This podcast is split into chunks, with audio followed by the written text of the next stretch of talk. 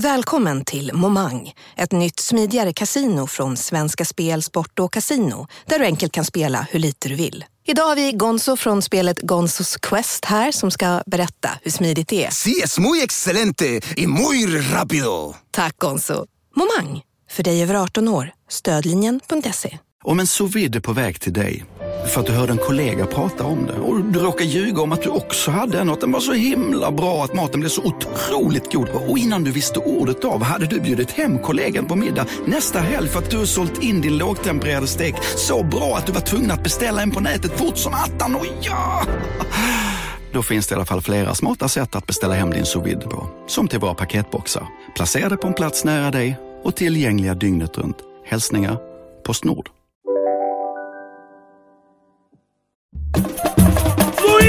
Pacheco Drummond, a força da sua presença está muito mais viva dentro de cada um de nós. Perfect.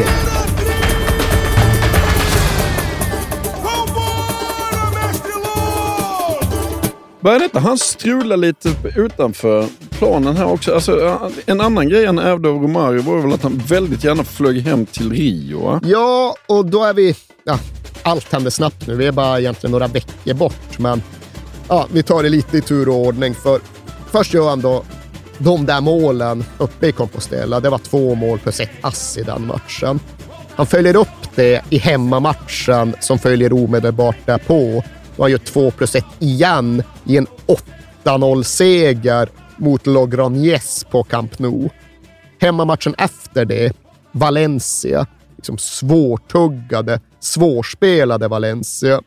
Ja, I den matchen gör han hattrick Ja. och Barcelona vinner med 3-2. Det är det här målet han hoppar Exakt. fram mellan två backar. Va? Ja, men det är ett till mål Ja, som det, det är nästan ännu mer tycker på jag. ett sätt. Ja, men där är det så här, han gör några grejer och sen kommer han fram mot en samlad backlinje. Och sen bara går han rätt mellan mittbackarna. Och de är ändå väderbitna jävlar, så de Ja. fan, men honom sätter vi stopp på. De kör bara liksom dörren som slår igen från två sidor samtidigt. De stänger honom, de hoppar in i honom från två sidor och klämmer honom i mitten. Och de bara studsar bort Ja. och han fortsätter Ja, fram och ja, dunkar ja. dit bollen. Och ja, men Det är då alldeles tätt in på det här första underverket och det är ytterligare tillfälle där han bara får alla som kollar på att känna att han är ju ostoppbar. Ja. Det går inte att stoppa honom. Men i samma match, just i den här hattrick-matchen mot Valencia, så får han även ja, så kallade känningar. Det ömmar i gränslandet mellan knä och lår. Och fram till och med nu har han spelat ja, i stort sett varenda minut för Barcelona sedan han kom till klubben. Nu får han lov att stå över de två matcher som följer och det uppstår i och med det ja, men en diskussion kring ja, men dels hur han ska matchas och dels hur han ska diagnostiseras. För här fanns ja, men idrottsmedicinskt arbete att utföra. Och Ronaldo hade ju dels då en explosiv spelstil och han hade en speciell genetik och därtill så växte han fortfarande. Ja. För när han först kom till Holland, det är då bara två år tidigare, då hade han varit 1,77 lång och vägt 73-74 kilo. Ja. Nu var han uppe i 1,83 och vägde 82-83 kilo. Och det var ju inte ja, men på något sätt frågan om någon övervikt, tvärtom, utan han hade bara byggt på sig och byggt på sig och byggt på sig.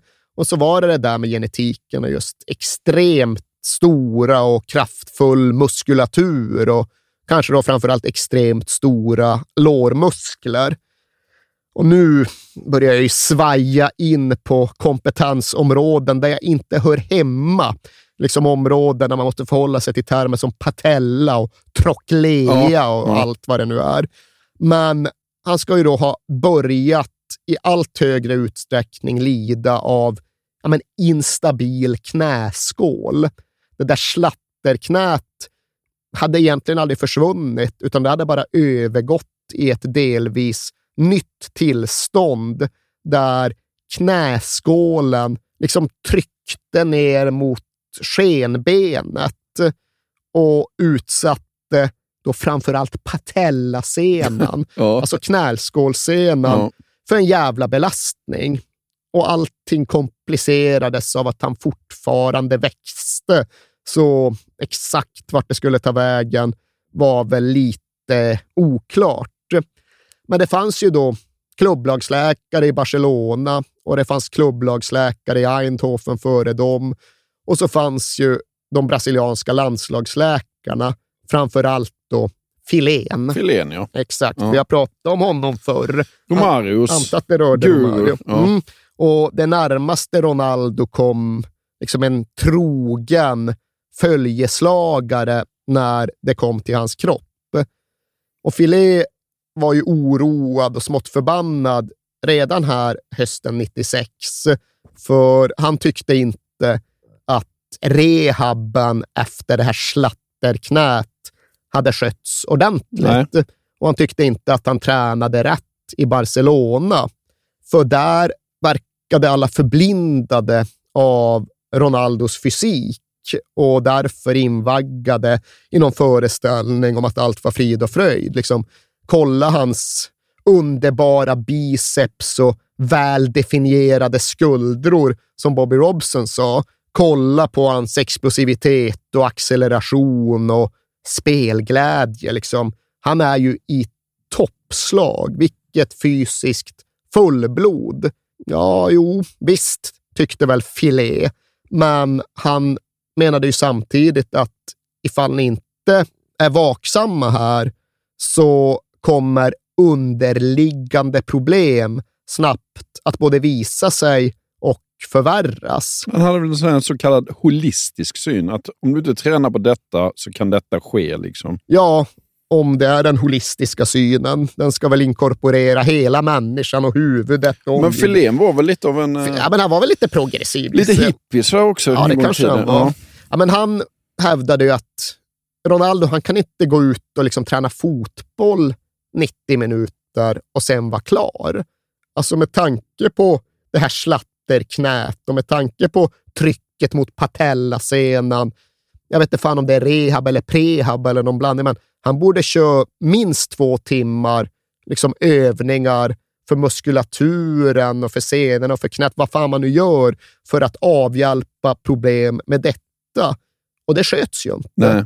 Och ni kollar bara på honom med blotta ögat och säger att allt är frid och fröjd, men hans bild var ju att ja, men det är som att kolla på en flaska mjölk, där någon har hällt ut 15 procent av innehållet och sen fyllt på med 15 procent vatten.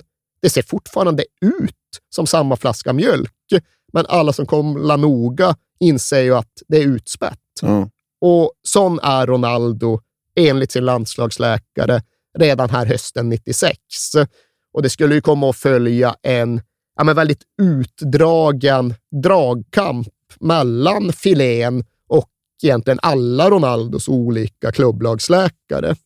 Och allt detta, att det ändå börjar ömma i Ronaldo och att han måste avstå en del Barcelona-matcher, det följs sen av att han ja, men påbörjar allt detta jetsättande flackandet mellan Katalonien och Brasilien. Och det drivs väl till hälften, eller till en tredjedel, av att han just hade den där Romario-grejen, att han tyckte också det var rätt gött i Rio. Ja. Men den största delen berodde ju på Nike och att deras avtal nu hade börjat kicka in och att det plötsligt dök upp allt fler och allt mer märkliga brasilianska landskamper mitt i spelkalendern. Nu är vi inne i december 1996 och liksom ligorna pågår för fullt och så helt plötsligt ska Ronaldo brassa iväg till Manaus, alltså mörkaste Amazonas, för där ska Brasilien spela en helt logisk träningslandskamp mot Bosnien. Ja. Jaha. Ja. Och ja, Ronaldo gör detta. Och i någon mån är det väl för att han faktiskt precis har blivit ordinarie i landslaget. Han vill spela för Ja. landslaget. Och i någon mån kanske han är pressad eller känner ett tryck från Nike, hans egen personliga sponsor, att delta. Så det gör han. Till Rio, till Manaus, tillbaks till Rio, till Barcelona. Sen börjar det vara juluppehåll, till Rio. Sen tillbaks till Barcelona för Bobby Robson. Men sen är det nyår, ska inte den här få vara kvar? Ja, sen får jag i alla fall åka. Okej okay då. Så mellan mitten av december 96 till mitten av januari 97 så flyger han fram och tillbaka mellan Barcelona och Rio fyra gånger. Och han är dessutom då en vända till Manaus i Amazonas. Så på mindre än en månad så har han 106 flygtimmar och så kan du lägga på tidsskillnaden och dygnsomställningen. Mm. Så sista vändan, när han väl återvänder, och ska han tydligen vara så jetlaggad att han bara liksom raglar runt på flygplatsen i Barcelona, för han har helt glömt bort vart han har ställt sin bil. Han har mm. ingen aning om vart fan den har tagit vägen. Och när han till sist får det klart för sig, ja, då är han sen till träningen. Och då brassar han på ja, men bortom alla trafikregler. En resa ska ta 20 minuter kanske från flygplats. Han ska göra på 9 minuter. Ja. Nita in vid träningsplanen, ragla ut dit och liksom ramla runt i en timme med ömmande knä och ja, sen hem och sova. Och liksom, här börjar det ju ändå det börjar ju problematiskt, det börjar gnisslas från såklart klubbhåll och supporterhåll att så här kan han inte hålla Nej. på. Det säger ju alla. Och det sammanfaller faktiskt också med att han går mållös från fem Barcelona-matcher. Och så är det, det är några missade träningar. Det är ett pass han bränner helt på förmiddagen och han... oklart om det är sant eller inte, men det var Risto Stoichkov som sa åt mig att det var för, eftermiddagsträning, så jag trodde jag kunde sova hur länge jag ville var det ett gag av det? Ja, det var någon form av skämt från Risto. Jaha, ja, kanske ja. det då. Mycket, liksom, hans dåvarande flickvän Susanna Werner, som ändå hängde med ett tag. Hon kom införande och hade fått någon typ av eh, alibi-jobb som cheerleader för Barcelona Dragons rugbylag. Mm. Men alltså, fort hon anländer ger hon en intervju till AS, alltså Madrid-tidningen AS, mm. där hon säger att det egentligen är Real Madrid som gäller. Ronaldo har gjort ett stort misstag som spelar för Barcelona. Och det landade ju såklart sådär ja. också. Började pratas, viskas, ryktas, här finns missnöje. Liksom. De lokala, alltså katalanska spelarna i omklädningsrummet, de uppskattar inte hela det här jetset-livet som han tycks leva. Och, ja, vad fan, passar de verkligen till honom lika mycket som de passar till andra spelare? Och, ja, det hinner bli ändå en soppa runt Ronaldo ja. under de här vintermånaderna. Och innan den har klarnat, då är det ju bara att brassa tillbaka till Rio, för nu är det karneval. Ja. Och på något sätt har liksom lyckats lura till sig ledigt av Bobby Robson. Ja, och Bobby Robson fattar väl inte att han ska på karneval? Nej, han tror bara att han ska ha ledigt på måndagsträning. Ja. ja, det kan han väl få. Liksom. Ja. Och nästa Bobby Robson ser det är bild i tidningen när Ronaldo... Alltså, han är ju så utspökad. Alltså, jag var tvungen att kolla upp de bilderna. Jag höll på att skratta ihjäl mig. För ja, jag satte mig i Bobby Robsons situation. Att ja, men han behöver få lite ledigt, så ser de jävla bilderna. Nej, för jag vet inte fan vad det är. Det är någon påfågelsart ja, ja. färgglad skapelse. Ja. Och nu börjar det ju vara kolumnister och krönikörer i Mundo Deportivo och Sport som här med ja, men den, de här bilderna är en förolämpning till allt ju. som förknippas han är för fan världens dyraste och antagligen världens bäst betalda spelare också. Och bara, ja. ja, nej, och nu liksom det känns... Fan, är han ens i Barcelona? Ja, ibland.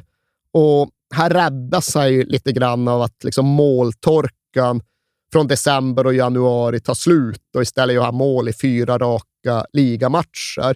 Men det hinner inte riktigt börja jublas åt honom igen innan det då är karnevalen. Ja. Och därefter sen ytterligare ett knippe matcher i svit som är mållösa. Och då börjar det gnisslas och visslas lite grann. Och innan det har lagts, ja, då är det dags att brassa till Brasilien för nu är det träningsmatch mot Polen i den ganska liksom avlägsna jordbruksstaden Goiania. Och dit ska han. Och liksom, alltså, kolla Brasiliens landskampsschema 1997 och det saknar ju sans. Ja. För alltså, de är ju direkt kvalificerade till VM 98. De är regerande världsmästare ja. som behöver inte spela massa kvalmatcher. Nej, då kanske det är lite läge att ta det lugnt. Verkligen inte. Istället har Nike med partners då satt en matchkalender som innebär att Brasilien gör 24 landskamper Jäklar. under 1997. Ja. Alltså det är ju mer än en halv extra säsong. Ja, ja, ja. Och därtill då matcher på de mest märkliga och otillgängliga platserna. Så här är det ett, ja, men ett halvår lite drygt då Ronaldo flyger 160 000 kilometer. Ja. Det är då fyra varv runt jordklotet. Och det sliter ju Ja, det tror att flyga. det. Det är Ja. liksom, det är inte nog med att det ska spelas matcher, det är jobbigt att flyga. Och jag vet fan ingenting om patellasenor, men liksom vissa de skador, inte. nej, Nej. alltså, vissa skador blir ju förvärrade av Ja. alla jävla lufttrycksförändringar och allt vad det nu är. Och precis när, ja, någonstans när Ronaldo är i luften före eller efter matchen mot Polen i Goiânia, så kommer det fram att hans pappa också är gripen och utsatt för något märkligt utpressningsförsök i Brasilien. Ja, han anklagas för kokaininnehav rätt och slätt.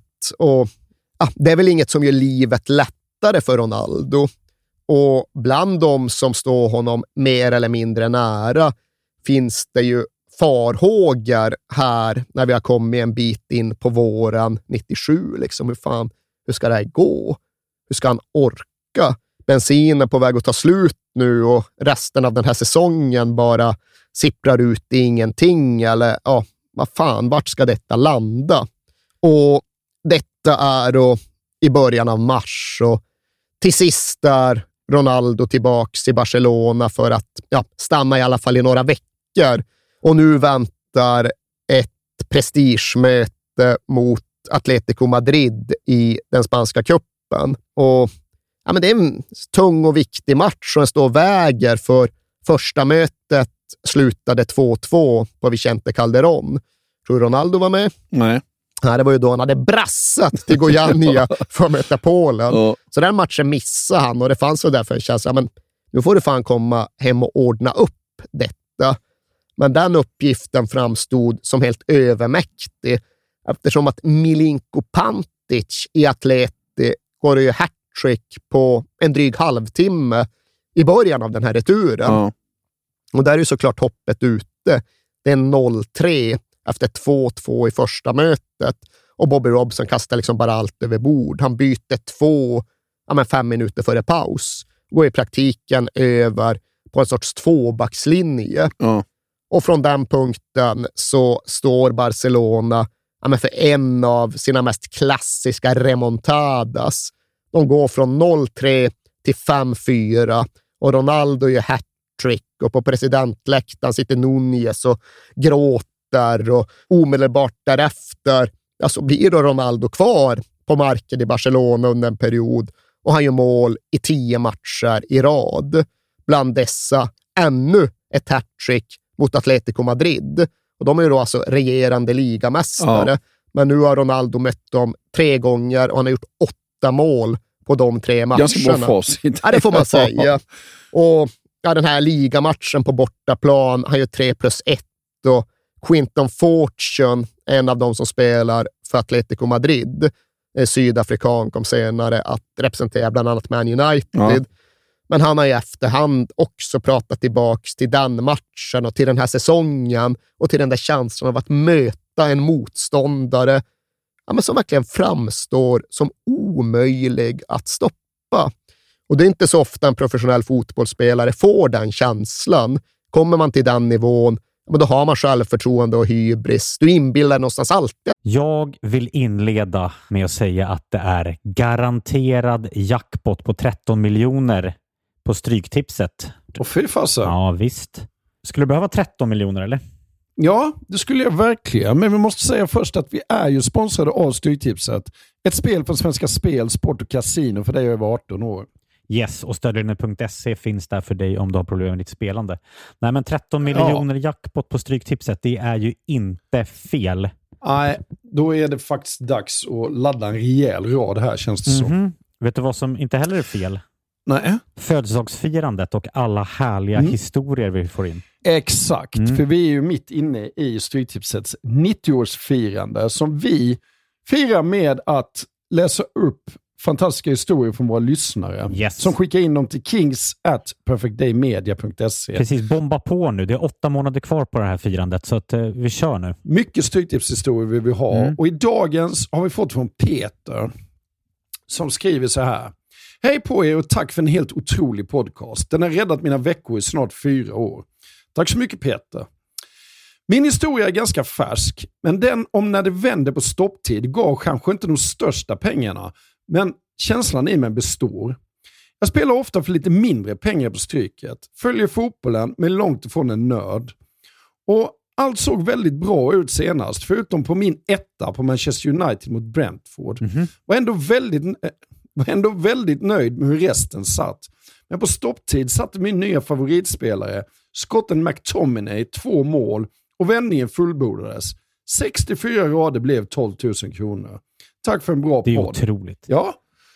Tack för en bra historia Peter. Ja, och som man älskar Scott McTominay. Gör man inte det? Ja, det, gör man faktiskt. Han- Han liksom kommer in i straffområdet jävligt bra faktiskt. Mm. Vi säger stort tack till våra vänner på Stryktipset. Tack.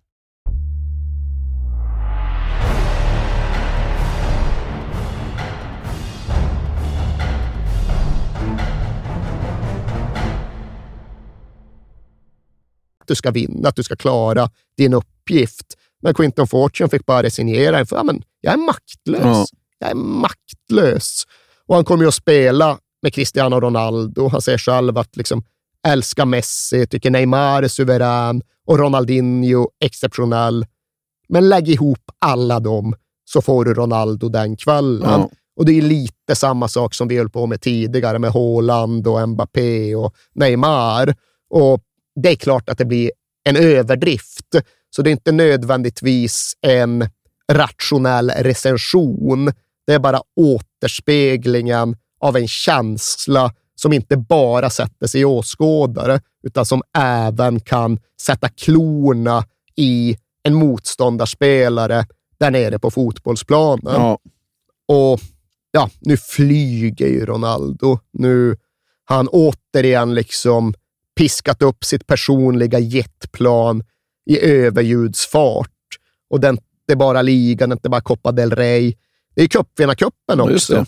Där FC Barcelona precis under den här perioden bland annat ställdes mot AIK. Och AIK åker ner till Camp Nou och de rullar igång bollen. Och det väl inte ens gått en minut och Pascal Simpson tacklar in Sergio Busquets farsa Ja. i mål med boll och allt. Och det vet fan om det hade blivit godkänt idag, men det blev det. Ja. AIK tog ledningen på Camp Nou ja, och sen fick väl Ronaldo lov att ta tag i det. Ja. Han gjorde mål på Camp Nou. Han gjorde mål på Råsunda också och eh, såg till att Barcelona såklart gick vidare. Men ja, kul att ha honom på Råsunda en marskväll 1997. Sju par strumpor. Ja, det lär det ha varit. Och om jag fattar saken rätt så ja, bytte han ju då tröja med två AIK-spelare. Micke Brundin ena matchen, Ja. Christer Nordin andra. Så det är ju ytterligare några sådana här riktiga klenoder som förhoppningsvis finns kvar någonstans i före detta svenska fotbollsspelares vindlådor. Ja. Ja, det känns kul att han har spelat, bytt om tröjan. Att Ronaldo ja, men i sin prime har spelat mot Pierre Gallo, Cesar Ja, Pasha ja. och de killarna. Vet du vad det är dags för nu? ja, det är väl antagligen en frågesport. Mm. Ja. Mm. Och så har vi tänkt att den inte kan vara för lättläst, men den ska inte heller vara omöjlig. Nej. Det här är bara liksom en enkelpipig fråga. Det är bara ett enda namn jag vill ha fram. Mm. Och jag undrar egentligen vem som var den första svensken att möta Ronaldo på fotbollsplanen. Jaha, får jag ställa lite följdfrågor här då? Ja, du kan ju liksom ha en Kan vi, kan, vi, tankeprocess. kan vi tänka oss att det, det är en spelare som kanske då antingen spelar i holländska ligan eller spelar i La Liga? Eh, Tänker jag rätt då? Alltså det finns ju lite slamkrypare, för ja, han var ju med i truppen när Brasilien mötte Sverige 94, men det räknas ju såklart inte. Sen var det ju faktiskt för EM 95, där då Ronaldo gjorde mål mot England på Wembley. Ja, där mötte han ju Sverige, men då kan jag ju säga att då hade han redan spelat mot en annan svensk. Så där har du väl gott ledtrådsunderlag. Jag mot en annan svensk. Då, då, då tänker jag så här. Eh, jag vet inte alls om det är rätt, men kan jag tänka mig att han i PSV mötte Henke Larsson när Henke Larsson spelade i Feyenoord? Är det din gissning? Jag tror nog det är min gissning. Det är ju inte bara en bra gissning, utan det är faktiskt till och med rätt gissning. Skämtar du eller? Nej då, det är rätt gissning. Du måste vara imponerad. Jag är imponerad. Samtidigt var jag ganska medveten om att det finns inte så många andra alternativ. Om Håkan ska försöka hitta en spelare i holländska ligan tidigt 90-tal. Jag är så lycklig nu så jag får knappt luft. Där, där, där, därifrån det stod då. helt rätt resonerat och helt rätt. Ja, du, du gör det bra. Ja. Sen som sagt, få andra alternativ, Ja. men lika fullt. Sabba nu inte liksom Nej, nej, ett rätt är ett Nej, rätt, absolut. Uff. Hade det visat sig vara Pierre Gallo eller Cesar Pascha, då hade du haft det jobbigt. Ja, Men- det, det hade ju varit naturligt om det varit det med tanke på hur du frågar. Men, ja. Ja, fan, den 27 november 94, PSV mot Feyenoord. PSV vann 4-1, båda gjorde mål faktiskt. Vad var du sa? Tänkte att du ber till Gud och Gud hör dig. Ja, det, det glädjer mig att du Ja. finner så här mycket Ja, tillfredsställelse jag i den här situationen. Eh, men just det, cupvinnarcupen. Ja, Barcelona slog ut AIK, sen även ut Fiorentina i semifinalen. Och där är det inte en quizfråga vilken svensk som mötte Ronaldo, men du kan få säga svaret ändå. I Fiorentina, cupvinnarcup semi 97. Var det Schwarz eller? Mm, klart att det var. Eh, Alltså jag är het idag. Ja, du. men som sagt, där Woo! fanns det verkligen bara ett alternativ, så det var inte ens en Ställ quiz. gärna fler frågor sen. Okej, okej. Eh, Sen mötte de då PSG i finalen. 90-talets PSG. Hur många spelare kan du i PSG startelva? Det var inte en förberedd quizfråga, men jag kände nu när du störska upp det så Kan du mycket. den i eh, start, eller har du den framför dig? Nu har jag den framför mig. Mm. Jag tycker du ska kunna... Ja, alltså du ska kunna tre. Tre, tre får du godkänt på. 90-tal där... eh, det enda jag tänker på nu är ju vår, vår älskade ytter i, i Spurs. Eh, nu börjar jag tappa namnen här bara för det. Jag har bara slappnat av. Det var inte meningen att du skulle... Nej, det här var inte heller meningen. Hade du inte blivit lite för störsk så hade jag bara låtit det passera. Men Ja, nu måste vi återställa ordningen här. kan vi inte bara låta det passera? Nej, du har, du, du har du hamnat i den här gropen. Spelade Gino La där då? Det gjorde han antagligen Han inte. var i England. Ja, Han var i England. spel. Ja, eh, du, ehm, eh, vi har ju den underbara brassen som jag alltid återkommer till, som, som jag har sett spela mot Astrio. ehm. Som du sett spela mot Astrid. Ja, de, var, de mötte Astrio. Min kompis mötte dem. PSG alltså. Ja, Då borde du kunna bara ticka av varenda ja men jag vet spelare. ju inte, kommer inte ihåg precis när det här var. Liksom. Det, det, det, det var nog tidigare, men då hade vi ju eh, vad heter brassen? Centrala mittfältet. Jävligt fin. Måste vara legendar i PSG. Ja, vet det, du vad jag finns, tänker på? alltså, det finns två brassar i den här elvan. Båda de tillhör ju de som ja, du ska kunna, eller i alla fall har god chans att kunna. Ja. Sen är det lite att din beskrivning kan passa in på båda dem, så jag vet inte riktigt vem av dem du famlar efter. Nej, jag kan inte bara sitta och gissa på fransmän här. Det, det går inte på den här. Men alltså, om vi tar brassarna då. Jag vet inte om det är en hjälp eller inte. Ja, men men vänta. Båda- Spelade Rai där? Båda ingick ju i VM-truppen 94. Ja, Rai säger ena. Det är korrekt. Eh, Rai, tror jag de vill Rai, ha det ja, ja, ja. Som ju framför allt faktiskt måste beskrivas som... Ja, brorsan till... Exakt, ja, exakt. Ja. Var det han du var ute Nej, efter? det var det Nej, inte. för då tror jag just att du har en Eh, hyfsad chans. Ja, eh, Du pratade om en central mittfältare och det var han ofta i PSG, Ja. men jag tror de flesta, flesta svenskar ser honom på en annan position. Ja.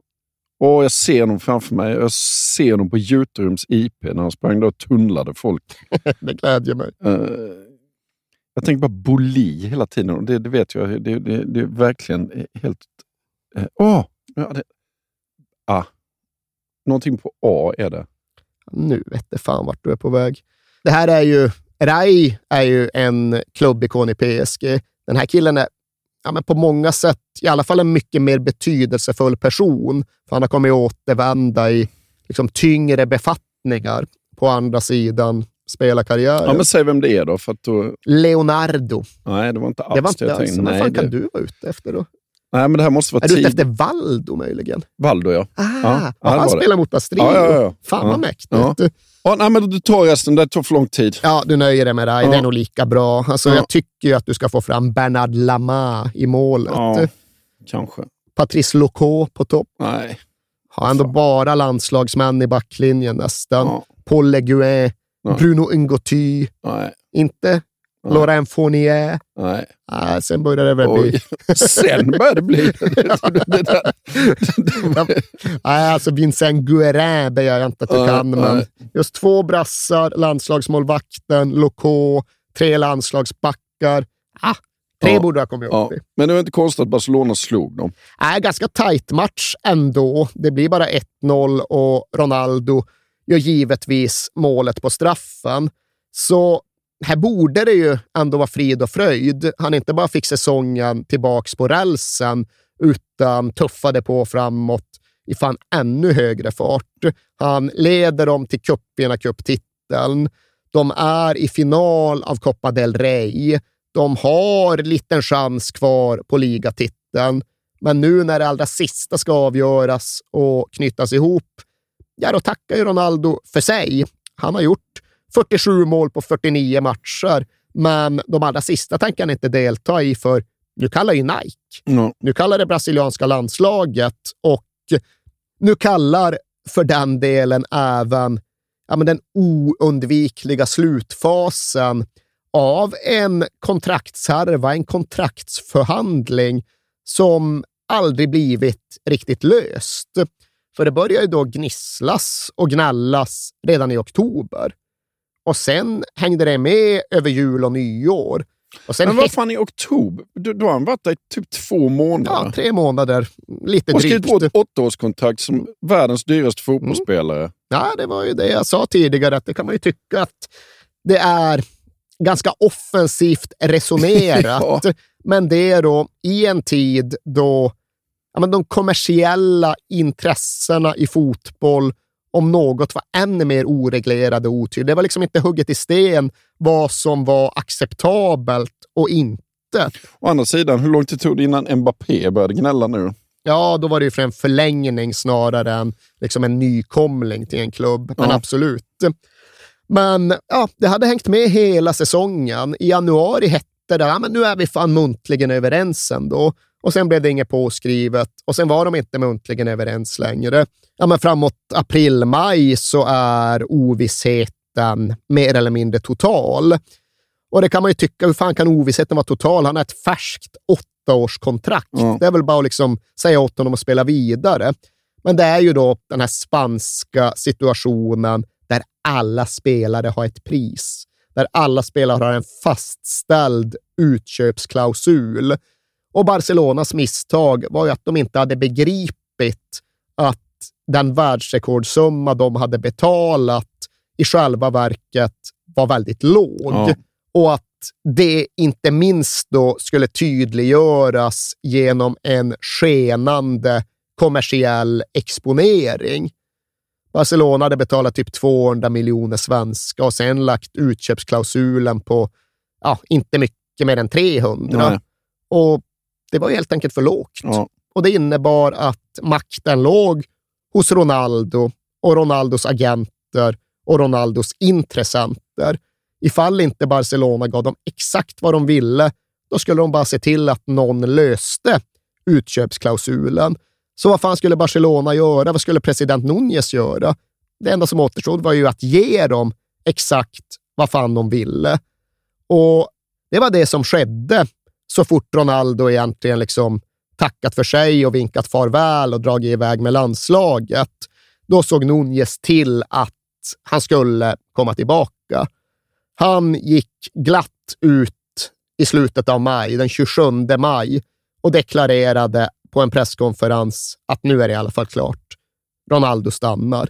Nu är vi överens om ett livstidskontrakt med honom, även vi. Nu skulle de liksom ha samma band till Ronaldo som Nike framöver. Ja.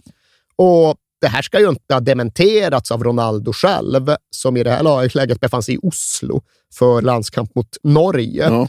Utan han ska ha mottagit nyheten med en jävla eufori och liksom sprayat champagne på närvarande journalister och börjat prata om att kanske liksom skaffa spanskt pass och ha dubbelt medborgarskap. Och det var så jävla mycket klang och jubel. Och sen går det två dygn och så har Núñez en ny pressträff på sitt kontor i centrala Barcelona och den här gången är det kontrabesked. glöm allt jag sa, glöm allt vi lovade. Nu är det över. Ronaldo kommer att lämna. Och det Núñez påstår har hänt här i mellanrummet, det är att agenterna för Ronaldo bara ska ha flyttat målstolpen målstolparna gång efter gång efter gång. Jaha, vi var överens om det, men jo, men vi vill ha det här också. Jaha, okej, okay, visst. Och, jaha, och sen vill vi ha det här också. Jaha, ja, ja. Och ja, förresten, sen det här också. Ja, men alltså, och, och det här, och det här, och det här, och det här. Och glöm inte, ni får betala all skatt också på all lön. Ja, ja. det var en massa Sådär, ja. annat också. Och Nunez sa ju det, men det är helt uppenbart att de här har ingen som helst intention att skriva på något avtal med oss. De arbetar aktivt för att få förhandlingarna att bryta samman. Och det gör de eftersom att de redan har en överenskommelse med någon annan. Ja. Agenterna menar å sin sida att nej, nej, nej, det är tvärtom. Det är Barcelona och Nunez som inte håller sina löften. Det är de som försöker flytta målstolparna. Det har de gjort under hela säsongen. Vadå? De sa att vi var överens i januari. Ja, varför kom det aldrig något kontrakt att skriva på? Och det vet vi ju inget om egentligen, men det som går att säga, det är ju att Ronaldo själv i grunden ville stanna. Ja. Han sprayade champagne när han fick beskedet om att det var överenskommet med Barcelona. Han var hur lycklig som helst. Mm. Och nu blev det inte så. Och där är det väl liksom, ja, vilka intressen företräder en agent? Vems bästa ser de till och vad är egentligen dennas bästa? Ronaldo ville stanna i Barcelona. Ronaldo hade redan kommersiella åtaganden som skulle göra pengar irrelevant. Ja. Var det då nödvändigt att av en eller annan anledning stånga pannan sönder och samman mot olika klausuler och knuffa iväg honom till ett annat lag i ett annat land och en annan liga?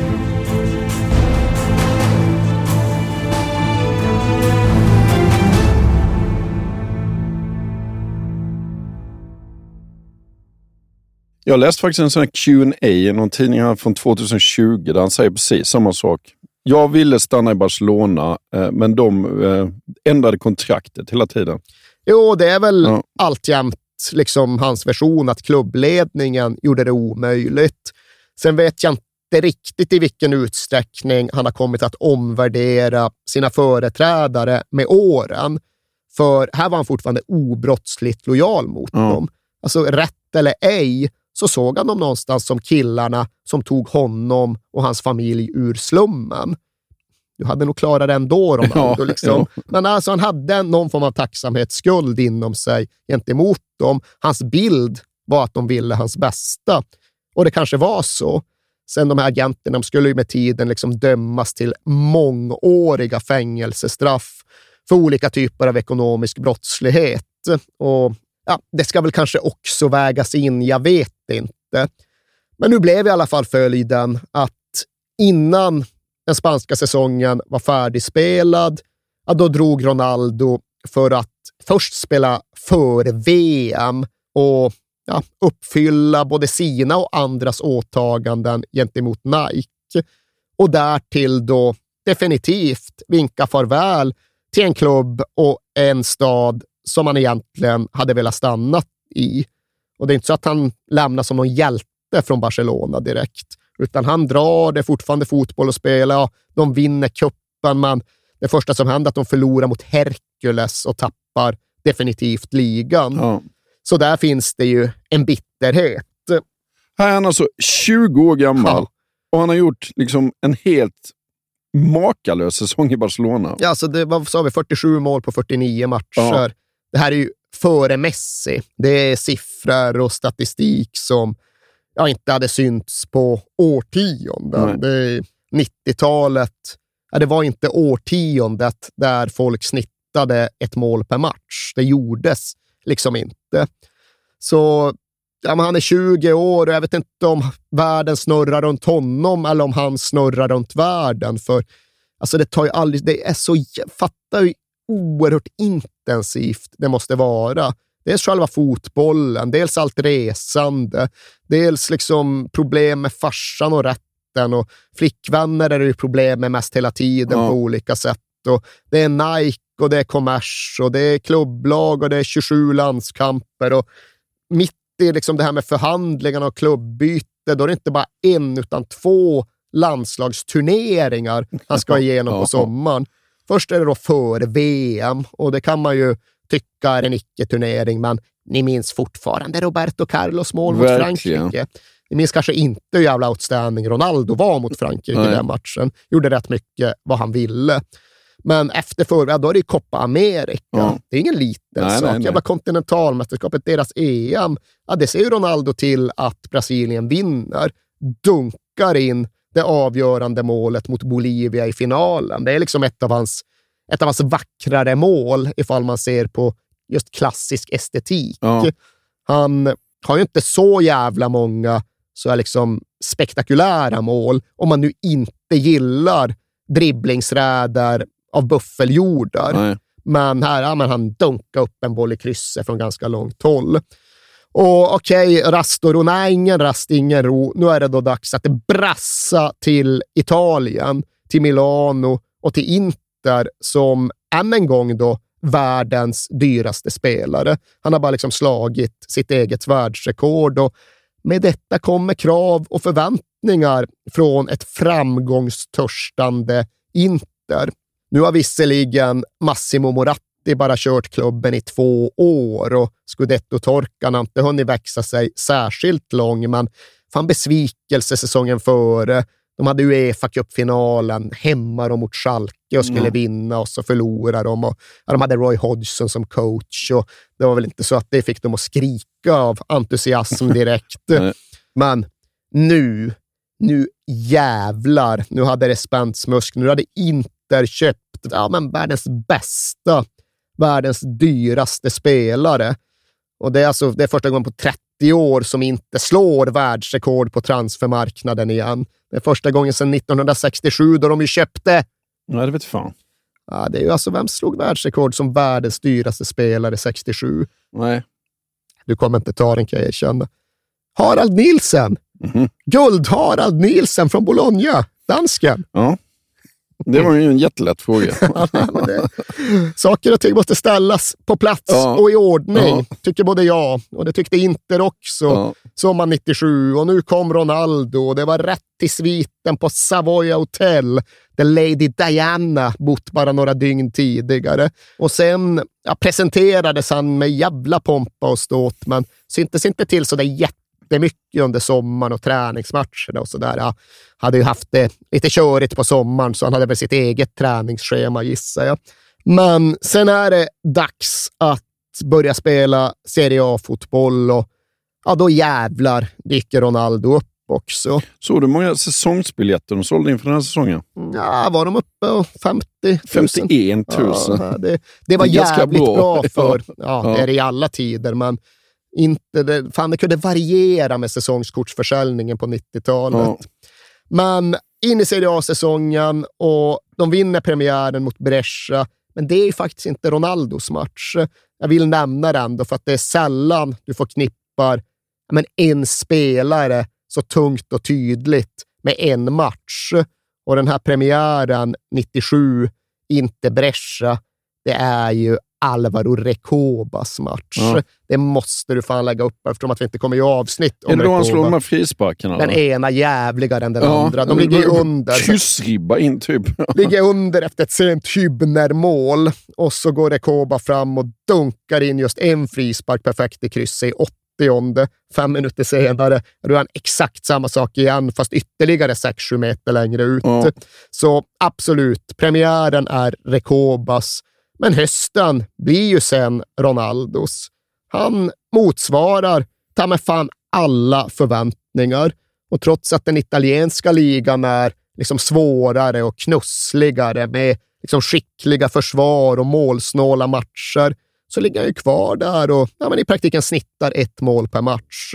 Jag tror han gör nio på sina elva första Serie A-matcher. Tar Inter upp i tabelltopp, men han kan inte vara kvar riktigt hela höstsäsongen ut för ja, men borta vid Lucia någonstans. Ja, vad blir det dags för då?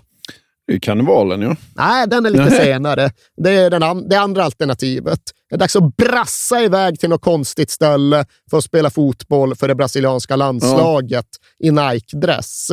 Görs det någonting överhuvudtaget idag? Alltså sådana här konstiga träningsmatcher? Ja, det här är inte lika konstigt, för det här är ändå liksom Confederations Cup. Jo, men Alltså, andra. Alltså, det görs inte på samma utstuderade sätt att nu jävlar är det ett klädmärke som har rätten att arrangera en landskamp precis efter eget huvud. Ja, det sker ju Nej, men träningsmatcher överhuvudtaget. För det här låter helt sinnessjukt. Nej, men det är ett annat land. Nu är det i Nations League mest hela tiden. Det är, träningslandskamper finns knappt Nej. kvar. Så nej, det sker inte riktigt på motsvarande sätt. Du hittar inte ett landslag som spelar, vad sa vi, 25-27 matcher på ett enda kalenderår och som sen då kröner det med märkliga Confederations Cup i Riyadh, Saudiarabien. Liksom, fan, hade det inte redan varit för-VM det här Ja, året? Ja, nej, men det här är liksom ett för-VM till. Ja. Och ja, det är väl det är inte de mest nödvändiga matcherna att spela, känns det som. Brasilien hamnar då i en grupp med Saudiarabien, Mexiko och Australien. Och precis när de tycker sig ha blivit av med Australien visar sig att äh, det är de jävlarna ni ska möta i final också, efter att ha klarat en semi mot Tjeckien. Så, liksom många jävla matcher mot i stort sett enbart oglamoröst motstånd någonstans långt borta på ett sätt som ja, men gnager på den julledighet som Ronaldo såklart oerhört, verkligen hade behövt oerhört mycket. Och det här finns ju liksom inte bevarat på film och är därför ställt bakom alla sanningstvivel. Men det är ändå ganska väl rapporterat att han ska ha fått någon typ av panikångestattack borta i Saudiarabien. Ska ha läst, det, det vet, men det som sägs att han läste någon tidningsartikel om Diego Maradona och hans karriär och hans burnout och liksom, ja, men livssammanbrott. Och att den läsningen ska ha inneburit att Ronaldo själv bröt ihop och fick ja, men någon typ av panikångestattack inför lagkamraten Cesar Sampaio. Och framstår ju inte som en orimlig psykisk reaktion Nej. med tanke på vad han står inför och har varit igenom. Men det som ska sägas och det som Ronaldo, på att säga, i vuxen ålder under tiden efter sin aktiva karriär ofta återvänt till, det är ju det här att fick ju ingen hjälp med det mentala. Nej. Liksom, idrottspsykolog, han visste inte att det fanns Nej. sådana. Det var ingen som hade liksom introducerat det, utan det var bara köra på, ner med huvudet, vidare, vidare, nästa, nästa. Klarar du det så klarar du det. Klarar du inte så kanske du blir som Maradona. Ja. tror inte att han hade satt ord på en känsla som han inte visste vad den var, men det är klart att han hade behövt mental hjälp. För Ja. det är en omänsklig jävla börda att försöka hantera. Och här får vi då kanske ett första tydligt tecken på att något verkligen inte står rätt till, men det är ingen som gör något åt det heller. Nej. Så Cesar Sampaio säger väl att fan, kom igen grabben, gaska upp det så blir det bättre. Och sen är det inte mycket med, med det. Nej. Och det är inte så att det märks på planen. Okej, final i Confederations Cup mot Australien. Brasilien vinner med 6-0. Ronaldo gör ett hattrick. Romario gör ett hattrick. Ja. Och det här är ju under ja, men det år de får tillsammans. Det är, egentligen, det är väl uppsidan med det här jävla Nike-schemat. Att de får spela många landskamper och det innebär att Ronaldo och Romario trots allt får rätt många matcher ihop och hinner bygga upp ett samarbete och ett samspel. Så de har 18 matcher ihop, Ronaldo och Romario. Och på dem gör de 35 mål. Ja. Och det är inte 18 hela matcher. Det är sammanlagt 1447 minuter de är på plan tillsammans. Och Det innebär att det är inte att de snittar ett mål per match. De snittar mer än ett mål per halvlek. Och de Ja. hade rätt jävla kul ihop Ja. där ute. Ja. First, the 21 year old Ronaldo demonstrated his pace and finishing. Ronaldo's got another one, and Brazil go two ahead. Then it was Romario's turn to score twice in succession as a formidable Brazilian team that also included the likes of Roberto Carlos, Dunga, and Denilson ran riot. Ronaldo on his own, little flick through. Romario, four! Early in the second half, Ronaldo completed his hat trick in style. Then another brilliant ball here for Ronaldo! Oh,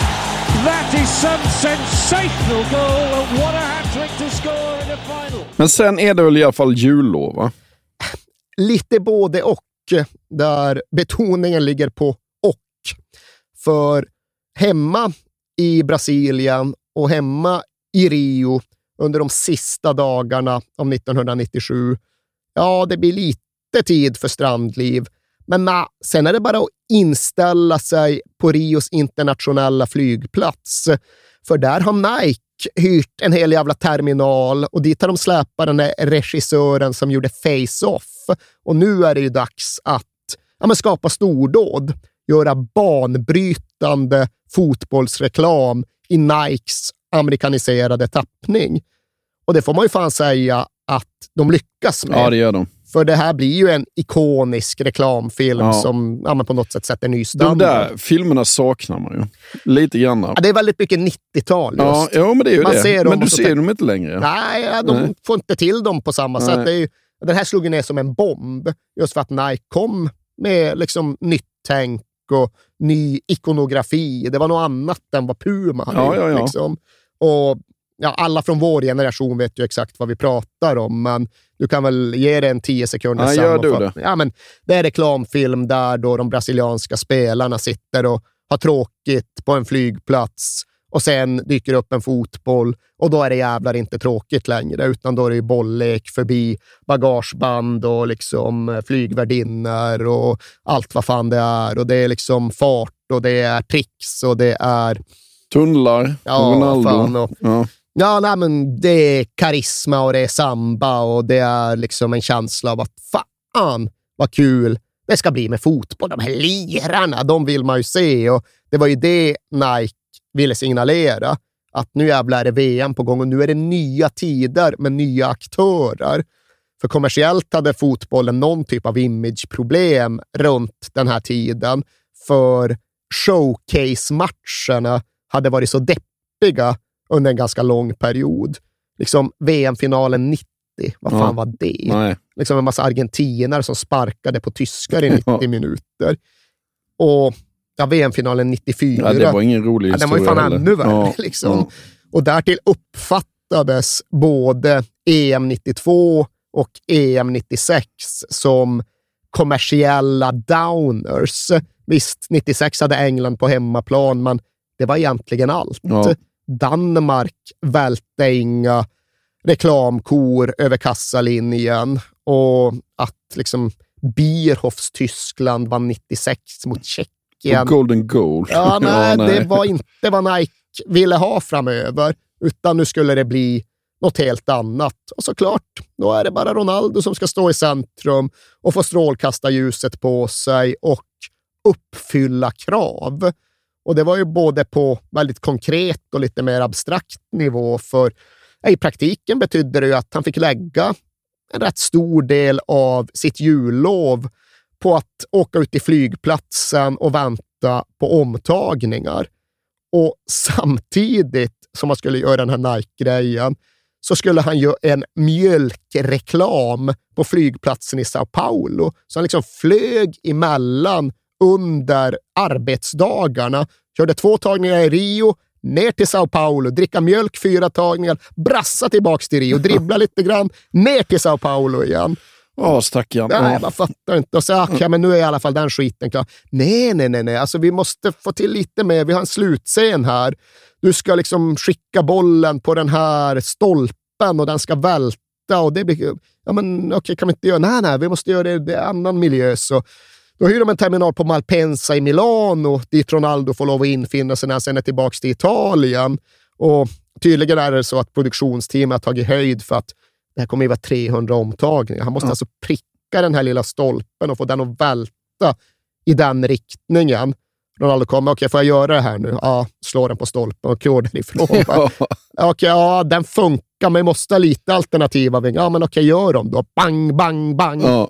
Alltså, Ronaldinhos trickfilm med ribban, fast på riktigt. Ja. Och på ett sätt som de inte kunde liksom, göra någonting av. Nej. Men det är vad filmfolket säger, att ja, så gick det till. Så skicklig var han. Men ja, nu är vi inne i januari 98, liksom början av då VM-året. Och i slutet av januari var Super Bowl. Och det vet du ju att den reklamspotten i halvtid, heter det halvtid? Ja, Halftime nog. show heter Ja. det ja. Ja, det är väl världens dyraste Ja, det det. typ. Ja, där är Ronaldo i någon form av naken tappning och precis därefter så är det dags att liksom lansera Nike Mercurial, alltså den speciella skolinje som man då skulle bära upp och in i VM. Och det är inte heller någon liten Nej, grej. Det har ju inte. blivit ikoniskt och ihågkommet. Fan, minns ni 90-talet? R9, Ja. Ronaldos Mercurial. Så det är ju skickligt utformade reklamkampanjer. Det är liksom väl utförd kommersialisering.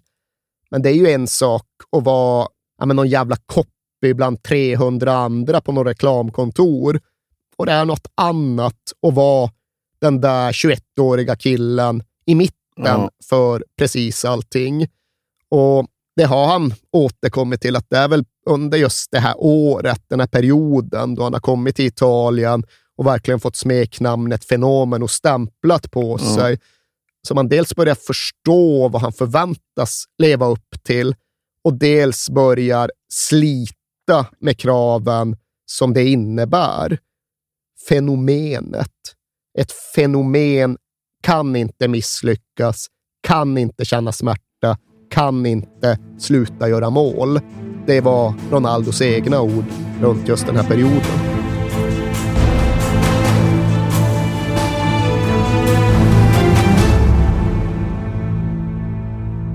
Och hur blir våren 1998?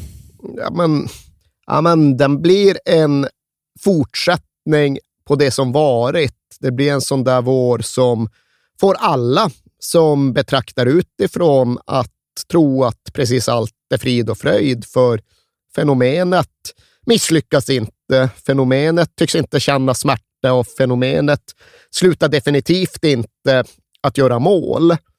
Det första som händer efter omstarten, det är att Inter möter Juventus i alltså den stora toppmatchen. Och okej, det är inte Ronaldo som gör målet, men det är han som virvlar fram bollen till Jorka F som liksom får tom kasse och inte vinner matchen, toppar tabellen. Och ja, men Ronaldo pumpar på. Han gör hattrick mot Lecce och när inte besegrar Milan i derbyt slår han dit en volley och han gör två mål mot Roma borta under en sån här period där han gör sju mål på sex matcher. Och liksom hade det funnits frågetecken och tvivel kring hur han skulle klara sig i Italien verkar helt obegripligt. För okej, det är ofta lägre försvar och mindre ytor, men det tycks inte beröra Ronaldo. Ah, han kan inte komma med samma galopperande fart och bara skena igenom motståndarens försvarslinje. Men han kan agera lite mer som en straffområdesspelare och förlora noll och intet i effektivitet på det. Och från den första februari är det en tre månaders period där ja, men Ronaldo i praktiken aldrig lämnar planen mållös. Men vid de tre tillfällen då han faktiskt gör det, ja, då blir hela Inter nollat och då förlorar Inter mot i tur och ordning Bologna, Lazio och Parma. Och det kostar serieledningen. Det innebär att när det är dags för den stora säsongsavgörande returmatchen i Turin, ja, då jagar Inter på 65 poäng mot ett Juventus på 66.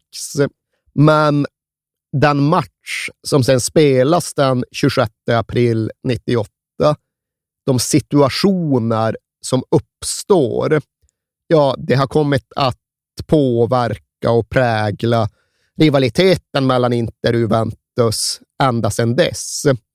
För okej, okay, Juventus har ledningen, men Inter trycker på och inte jagar och inte är på väg tillbaks in i både match och titelstrid när Ronaldo kommer loss med fart in i Juventus straffområde och Mark Giuliano, Juvebacken, bara ja, men hockeytacklar ner honom.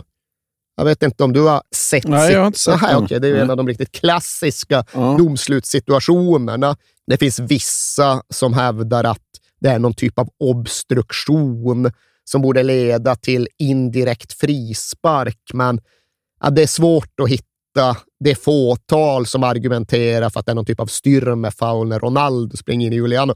Alltså han blir Juliano bryter in och liksom bara går på kropp där bollen inte är där och Ronaldo är på väg förbi. Det är klart det är straff. Det är givet straff, ja. Men det blir inte straff. Och redan här är liksom inte tränaren Gigi Simone ute på planen och röjer runt under pågående spel. Sivergonji, Sivergonji! Mm. Alltså, det är en skam. Det är en skam detta. Ja. Och medan han håller på att yra omkring så vänder Juventus på spelet upp i offensivt straffområde motsvarande situation på många sätt. Och de får straff. Ja. Och okej, okay, Del Piero missar faktiskt den straffen, men vinden har mojnat i Inter-seglen och Juventus kan spela hem både match och ligatitel.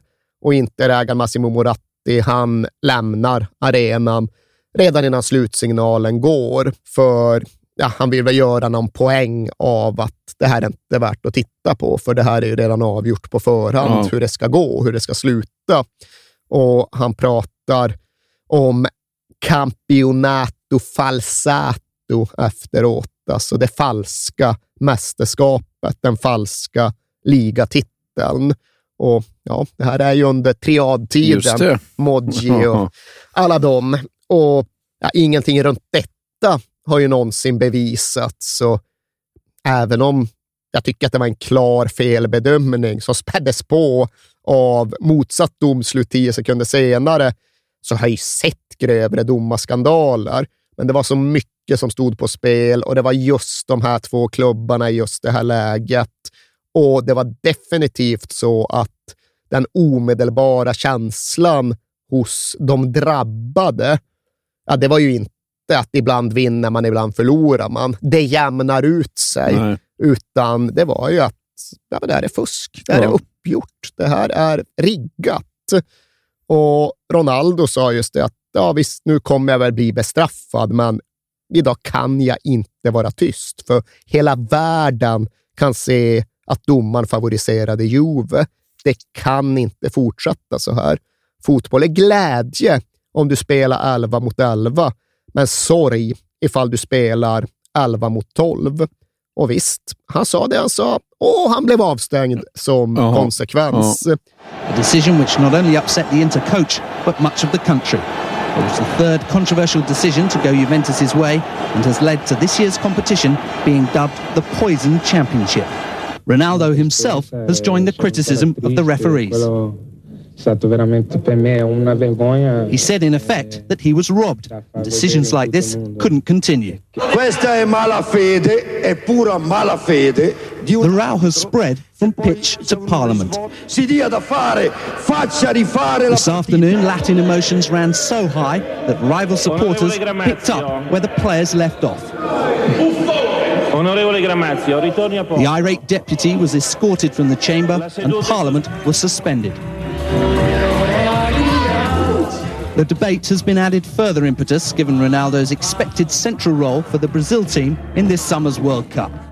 Och okej, okay, de lyckas spola bort lite av bitterheten genom Uefa-cupen. Och det här är väl framför allt liksom semifinalen mot Spartak borta i Moskva som blivit klassisk. Och det är framför allt på grund av planens skick. De bilderna måste du ha sett. Nej. Vad fan, titta på, titta ja. på klipp eller du sätter ja, ja, i en studio.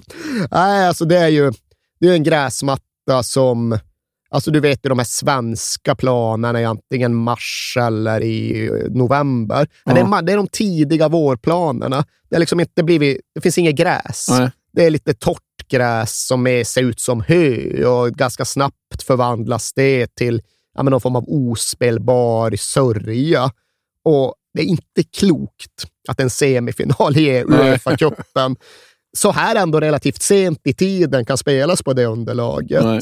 Men det finns något talande i att Ronaldo inte verkar bekommas. Han kör på precis som vanligt och han springer runt och han får bollen och lyda honom ändå. Och han ser såklart till att Inter vinner och går till final genom två mål. Och fortfarande uppfattades han ju som det ostoppbara, osårbara fenomenet. Kolla, inte ens detta rör honom.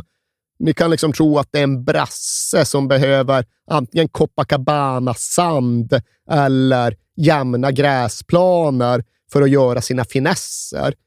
Inte den här buffeln kan skena fram över prärien precis lika gärna. Och han sa detta, men vad fan, det här var som att vara tillbaka i Bento Ribeiro. Ja, då vi bara gick ut och spelade i leran efter att det hade regnat.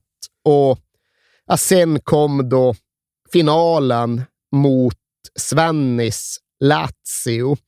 Och där men kanske mer än i någon annan match bevisade detta Inter hur jävla bra de verkligen var. För ja, det var ju ett jäkligt starkt lag med Javier Zanetti och Diego Simeone och Aron Winter som bollvinnare. Och så då Ronaldo med Samorano på topp och Jorka F just bakom. Bra lag. Ja. Och en sagolik Ronaldo. I den här finalen stod han ju mot bland annat Alessandro Nesta. Ja. Och än idag hänvisar ju Alessandro Nesta till matchen som ja, men den värsta upplevelsen i min karriär. Ja. För han, precis som Fabio Cannavaro för den delen, alla italienska superförsvarare ur den här generationen säger det att Ronaldo var det värsta. Det var det svåraste vi någonsin mötte. Ja. Nästa kunde inte bromsa honom. Nästa kunde liksom inte fånga in honom med sin spelkloka intelligens och elegans, utan Ronaldo drog iväg och lät sig inte stoppas. Och han gör ju ett av målen när han kommer fri med Marchegiani och liksom, ja, men bara kör de här överstegsfint och, puff, puff, och så vet man inte vart han ska ta vägen och så är han runt och så är bollen i nät och så är Uefa-cupen vunnen och Massimo Moratti på lite bättre humör. Nu kunde han prata om Ronaldo som ett uppslagsverk som enbart vi kan bläddra i. Jag tycker inte det är en särskilt träffande Nej, formulering, men den är ändå ganska, den är ändå ganska fin. Ja.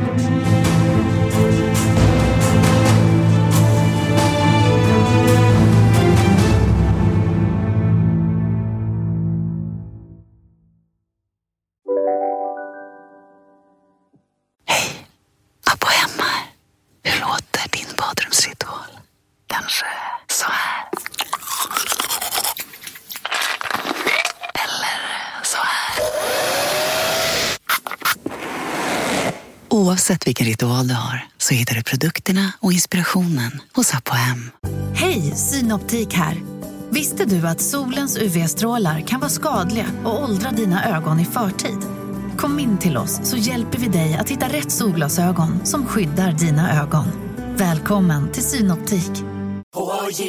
På Sveriges största jackpot-kasino går hypermiljonen på högvarv. Från Malmö i söder till Kiruna i norr har hypermiljonen genererat över 130 miljoner exklusivt till våra spelare.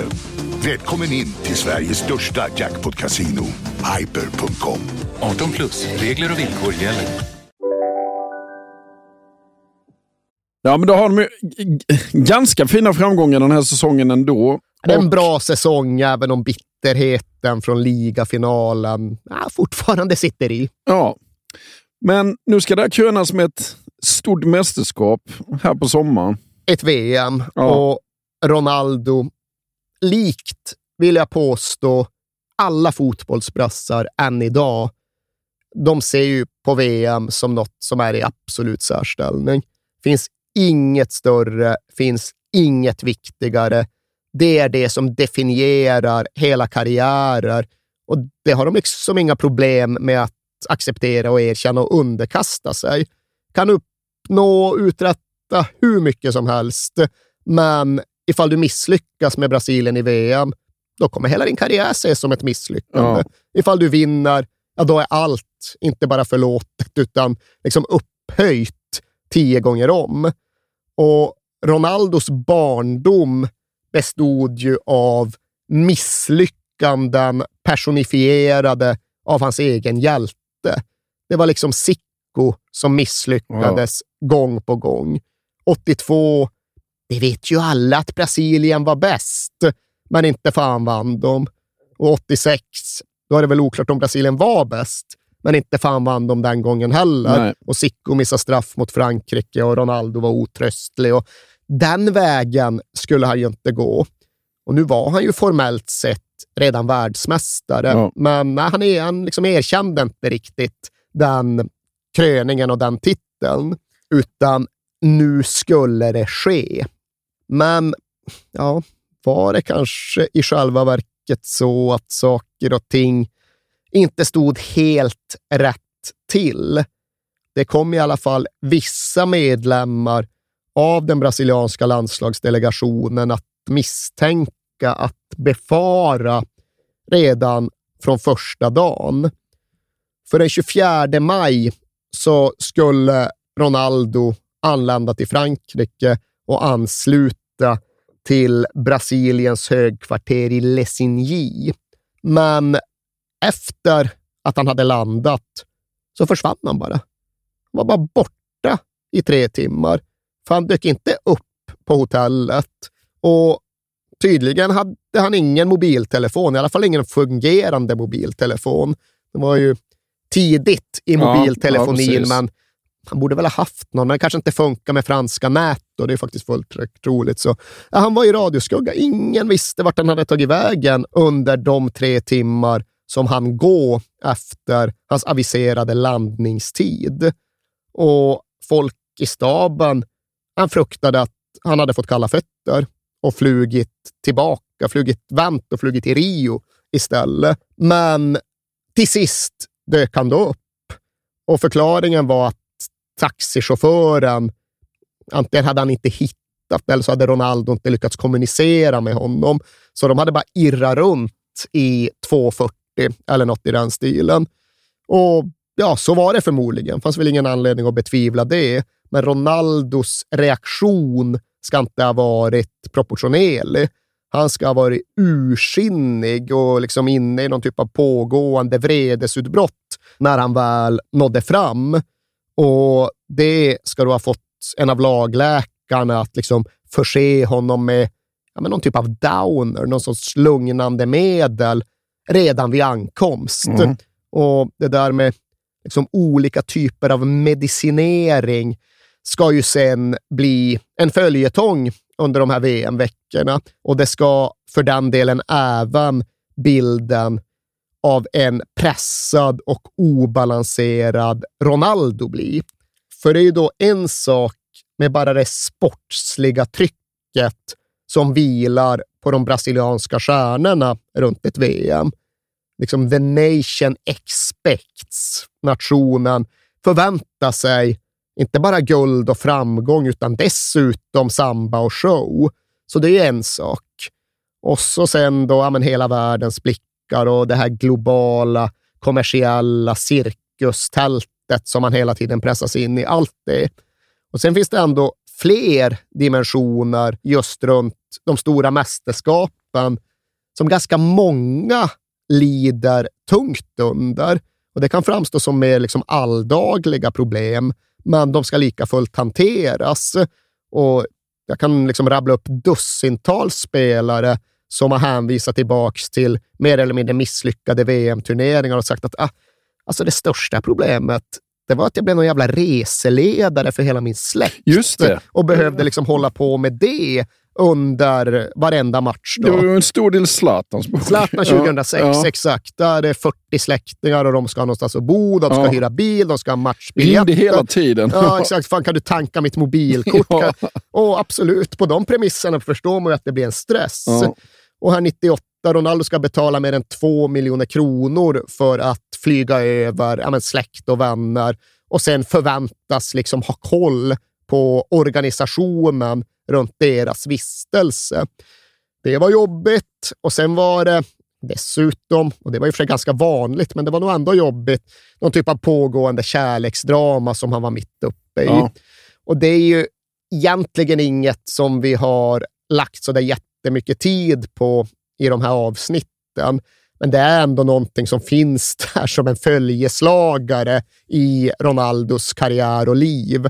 Det tycks alltid vara något strul med någon kvinna. Så jävla trassligt hela tiden. Ja, nej. Ja. och han verkar ju för sig ofta ha en ganska sorglös hållning Jo, till ja, det. Han orkar liksom Nej. inte tycka att det är alldeles för trassligt. Nej.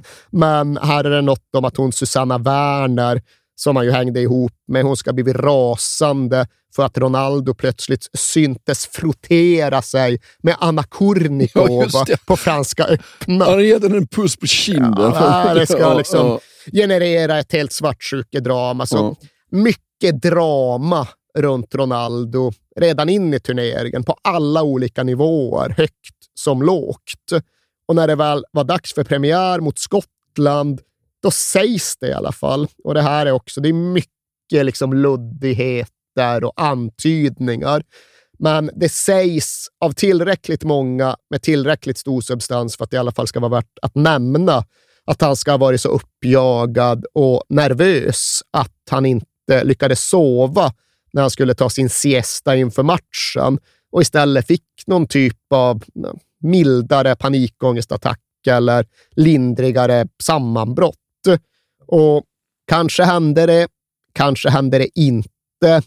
Klart är i alla fall att både Ronaldo och det brasilianska landslaget gjorde en svag premiär och har tur som får med sig en uddamålsseger mot Skottland. Men det får väl i alla fall en del nervknutar att lossna. Det är jävligt skönt att stöka av en mästerskapspremiär med en seger. Och matchen som därpå följer mot Marocko ja, men får nästan beskrivas som en typ av fullträff. För nu flyter spelet och nu hittar de offensiv samhandling och nu förstår de varandra, stjärnorna på topp. Det är ju då Ronaldo, Bebeto och Rivaldo. Spelar inte med Romario, liksom mentorn och lekkamraten som tyvärr tvingas lämna återbud skadad.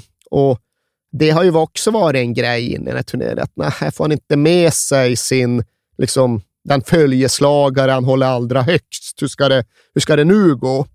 Ja, mot Marocko går det i alla fall bra, för alla tre i anfallslinan gör mål.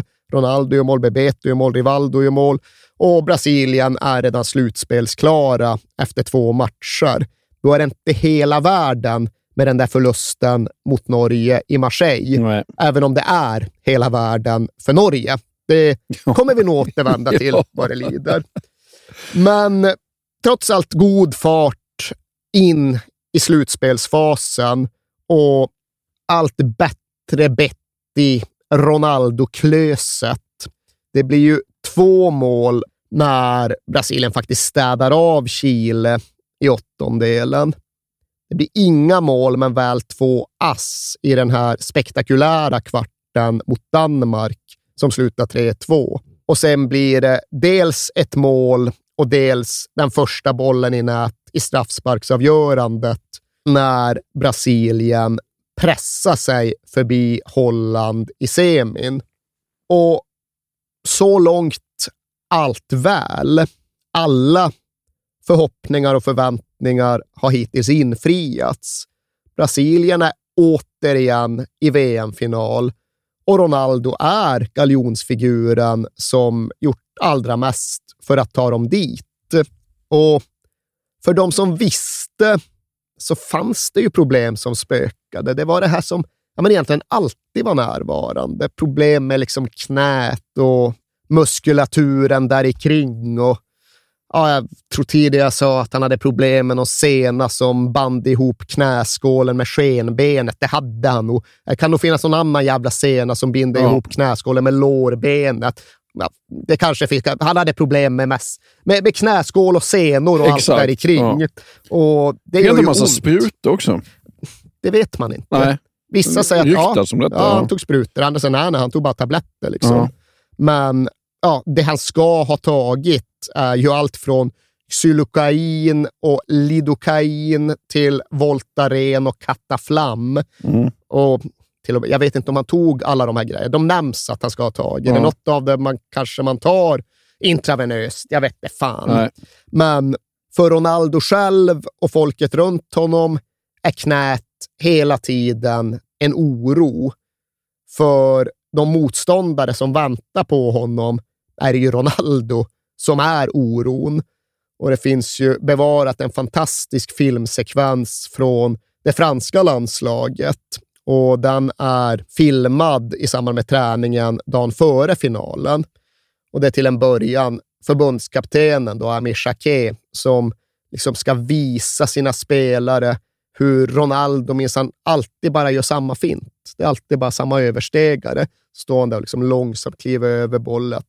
Ni vet ju att han gör den här rörelsen och därför är det ju liksom bara följa med och bromsa. Och så bryter liksom Massa Desailly in. Alltså, han har gjort den där mot mig i Milan och jag såg inte bollen. Alltså oavsett om han går åt höger eller gått du ser inte bollen. Fu, fu, fu, fu, fu. Så låter det när Ronaldinho överträffar. Var är bollen? Är som magi. Och Tyrann han håller bara med. Liksom. Ja. Jag bara, ja, nej, du, vadå, tror du att det är lätt att bromsa Ronaldo för att man vet att han gör många överstegsfinter? Bror, hade det hetat idag.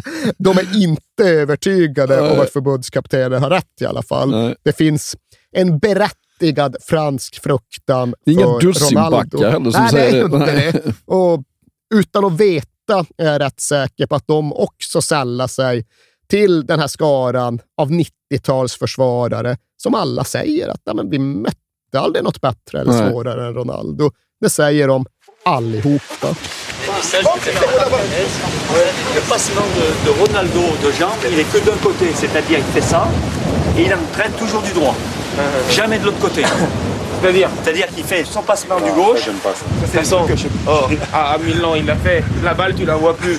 Donc, euh, qui part à droite ou à gauche, la balle, tu la vois plus. hein. Je te jure, il fait fou, fou, fou, fou, fou. La balle, elle est où C'est un magicien. Comme ça, il reste comme ça. Tu regardes, plus de ballon. Le ballon, il est de côté. Même. Men ta oss igenom matchdagen här, Erik. Jag ska göra det så gott jag kan och försöka skilja fakta från sägen efter bästa förmåga och om möjligt redogöra för när jag är inne på det ena och när jag tangerar det andra. Men klart är i alla fall att efter Brasiliens lunch på finaldagen så går Ronaldo tillbaka till det rum som han delar med Roberto Carlos. Han går tillbaka till rum 290 på Chateau de Grand Romain. Och först kollar han lite motorsport på tvn och sen är det dags för hans sedvanliga tupplur. Han gillar att sova en timme eller så när det är match på kvällen. Och i sängen bredvid ska inte Roberto Carlos ha somnat, utan han ligger med sin härliga gamla freestyle, Ja. en Walkman, och lyssnar på någon jävla pagodemusik eller något. Ja. Och helt plötsligt vaknar Roberto Carlos till av att vad fan är det för ståhej, turbulens, vad är det som pågår i sängen bredvid? Jo, där ligger Ronaldo och har fått någon typ av krampanfall. Han ska liksom krampa med kroppen och det ska vara saliv och till och med fradga runt munnen. Och Roberto Carlos grips naturligtvis av ja, men någon lite chockartad panikreaktion och bara ut och liksom skrika till sig så många som möjligt. Och det kommer någon spelare och ja, men inte spela doktor, spela får börja springa runt och försöka få tag på läkarna. Och de har rummen längst bort från spelarna, så det tar ett litet tag. Men ja, läkarna kommer och liksom kan observera och innan de hinner fram så ska liksom Cesar Sampaio, lagpappan, vara där och liksom gräva i munnen på Ronaldo för att dels försäkra sig om att han inte sväljer tungan och dels att han liksom inte biter sönder någonting ifall det här är någon sorts epileptiskt anfall. Ja. För många uppfattar det som att det påminner om just ett epileptiskt anfall. Ja. Andra refererar mer bara till någon typ av liksom sammanbrott. Men Ronaldo själv vet ju inte vad som pågår och här har han längs vägen och med åren varit inkonsekvent i hur han har återberättat. Ibland har han sagt av att han vaknar av att det står just en massa lagkamrater och läkare runt honom och han fattar inte vad som händer, men är så trött och utmattad att han inte riktigt orkar bry sig eftersom att han bara vill somna om. Sen har han dragit en annan version om hur han liksom ska ha vaknat mer eller mindre som vanligt. Känt sig lite tung och olustig, men hur det sen ska ha varit först liksom, ja, flera timmar senare som en lag, just Leonardo ska ha tagit honom avsides och liksom börja prata om att det finns viktigare saker än fotboll i livet, Ronaldo. Och att han inte ska förstå vad fan pratar pratar du om? Liksom?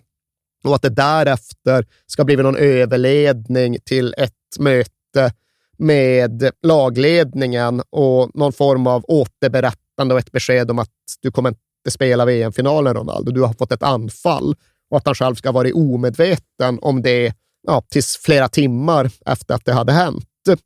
Och det spelar väl egentligen ingen större roll vilken av de versionerna som är korrekt. Klart är i alla fall det här epilepsiliknande anfallet, det har ägt rum. Det här krampanfallet, det har skett.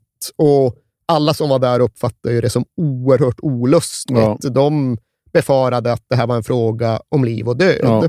Och Det finns sen också lite olika påståenden kring när och hur Mario Zagallo, förbundskaptenen, underrättades och hur sen liksom beslutsgången egentligen gick rent kronologiskt.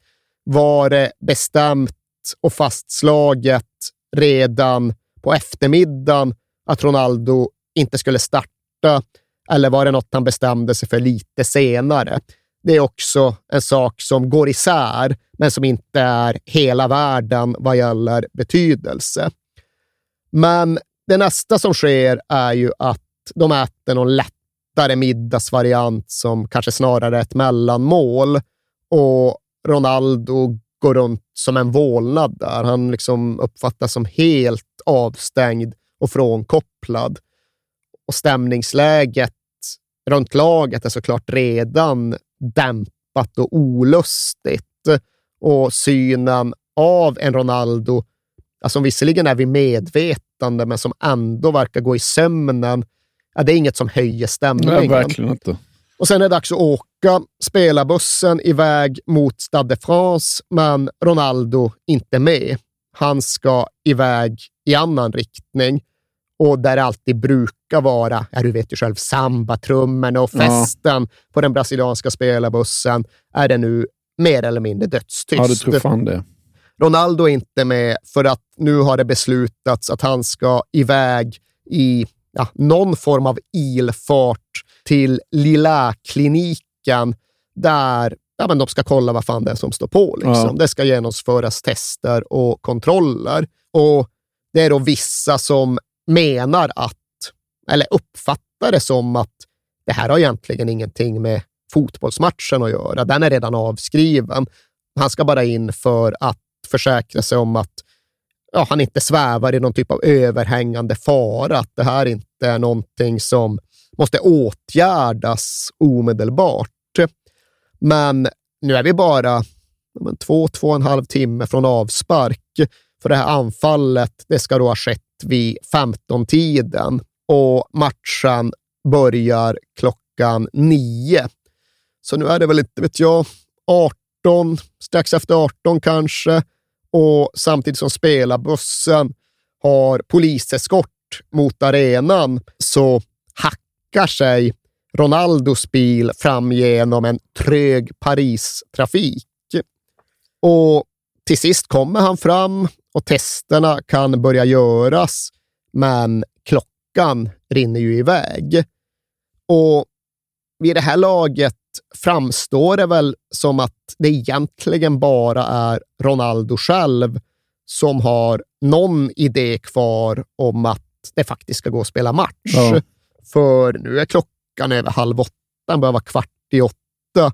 Det är nästan bara en timme kvar till avspark och liksom laguppställningar ska lämnas in och cirkuleras. Och förbundskapten Mario Zagallo lämnar ju in en laguppställning utan Ronaldo. Och det gör han ja, men kvart i åtta någonting, ungefär samtidigt som liksom alla test och provsvar kommer från undersökningen som Ronaldo gått igenom. Och den ska ju då vara all clear. Det ska liksom inte finnas någonting problematiskt med Ronaldos fysik eller välmående eller hälsostatus.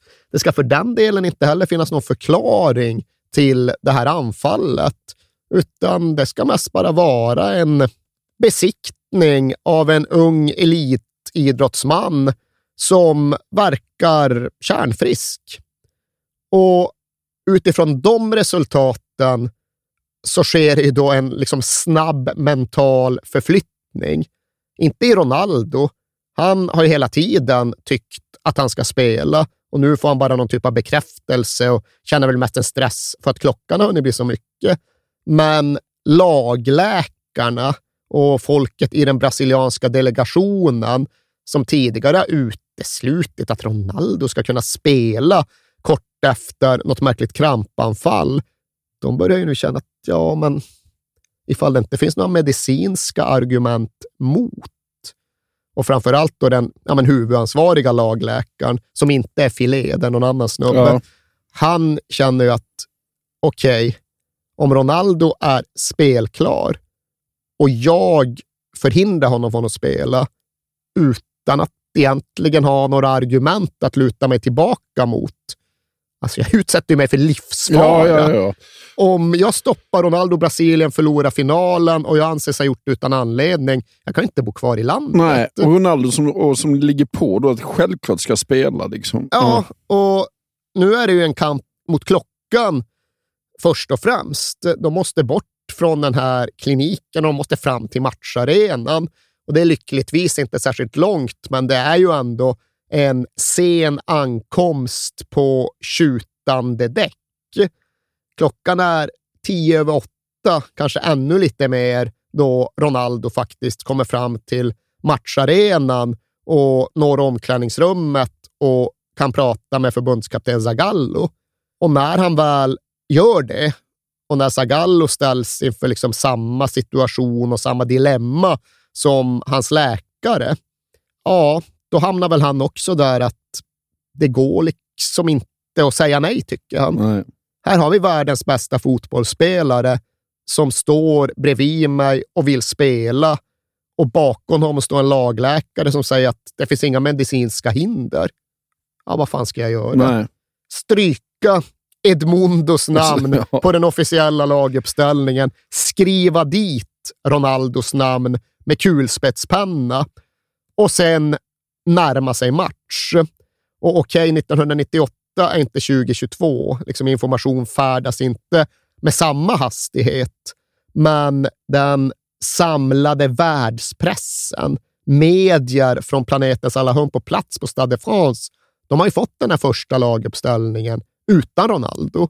Och de har rapporterat detta hem till sina tittare och lyssnare och läsare. Och nu är det plötsligt tillbaks med Ronaldo. Och än så länge finns det ju ingen information. Det är liksom ingen som har kunnat följa med på hela det här händelseförloppet. Så förvirringen är ju maximal. Alltså, det är ju en av VM-historiens största snackisar. När du sitter framför tvn och de säger att Ronaldo inte är med i laguppställningen. Ja, men vi sa Det- ja. tidigare när vi pratade om Italiens VM-guld 2006 att det finns bara två enskilda händelser, situationer som ja, kan konkurrera om titeln som VM-historiens allra mest mytologiserade. Och det är ju Zidans skalle och Maradonas boxning. Ja. Det här är inte en händelse på riktigt samma sätt, men det är ju där uppe när det kommer till VM-mystik. Ja. Det här är ju... Fan vilken bra tio-lista det hade varit. Ja, jag vet inte. Hade den varit så Ja, det hade bra? det. Ja, kanske. Jo, det hade det. Ja. Men ja, innan vi nu kan gå in i själva matchen så ska vi också ha sagt att det som ska ske, inte 100 procent bekräftat, men jag skulle beskriva det som 82 procent bekräftat, det är då att en, trots allt, begripligt nog, jävligt uppjagad Ronaldo anses behöva hjälp för att komma i rätt sinnestillstånd för en VM-final. Och alltså, jag kan ju fatta stressen och liksom ja, men förvirringen och liksom allt det han måste ha känt under den här dagen. Det är ju liksom helt extremt. Jag kan inte komma på något motsvarande och då är det ändå inte riktigt klart hur ja, men klar i skallen han faktiskt Nej. var under dagen. Men bara det där att liksom vakna på morgonen som stjärnan som ska vinna VM åt Brasilien och sen vakna på eftermiddagen som en huvudperson i ett infernaliskt kaos som du själv inte förstår vad det är. Och därefter tillbringa eftermiddagen och kvällen med någon typ av rush för att ja, men först få veta om du är frisk eller om du lider av något väldigt allvarligt och därefter om du ska kunna spela i världens mest upptrissade fotbollsmatch. Alltså, det är helt otroligt. Inför hela världens ögon, Ja. hela tiden. Ja. Och nu ska han ju begripligt nog då vara jävligt uppjagad och uppriven, så någon i det brasilianska läkarteamet ska ju då förse honom med någon sorts medicinering.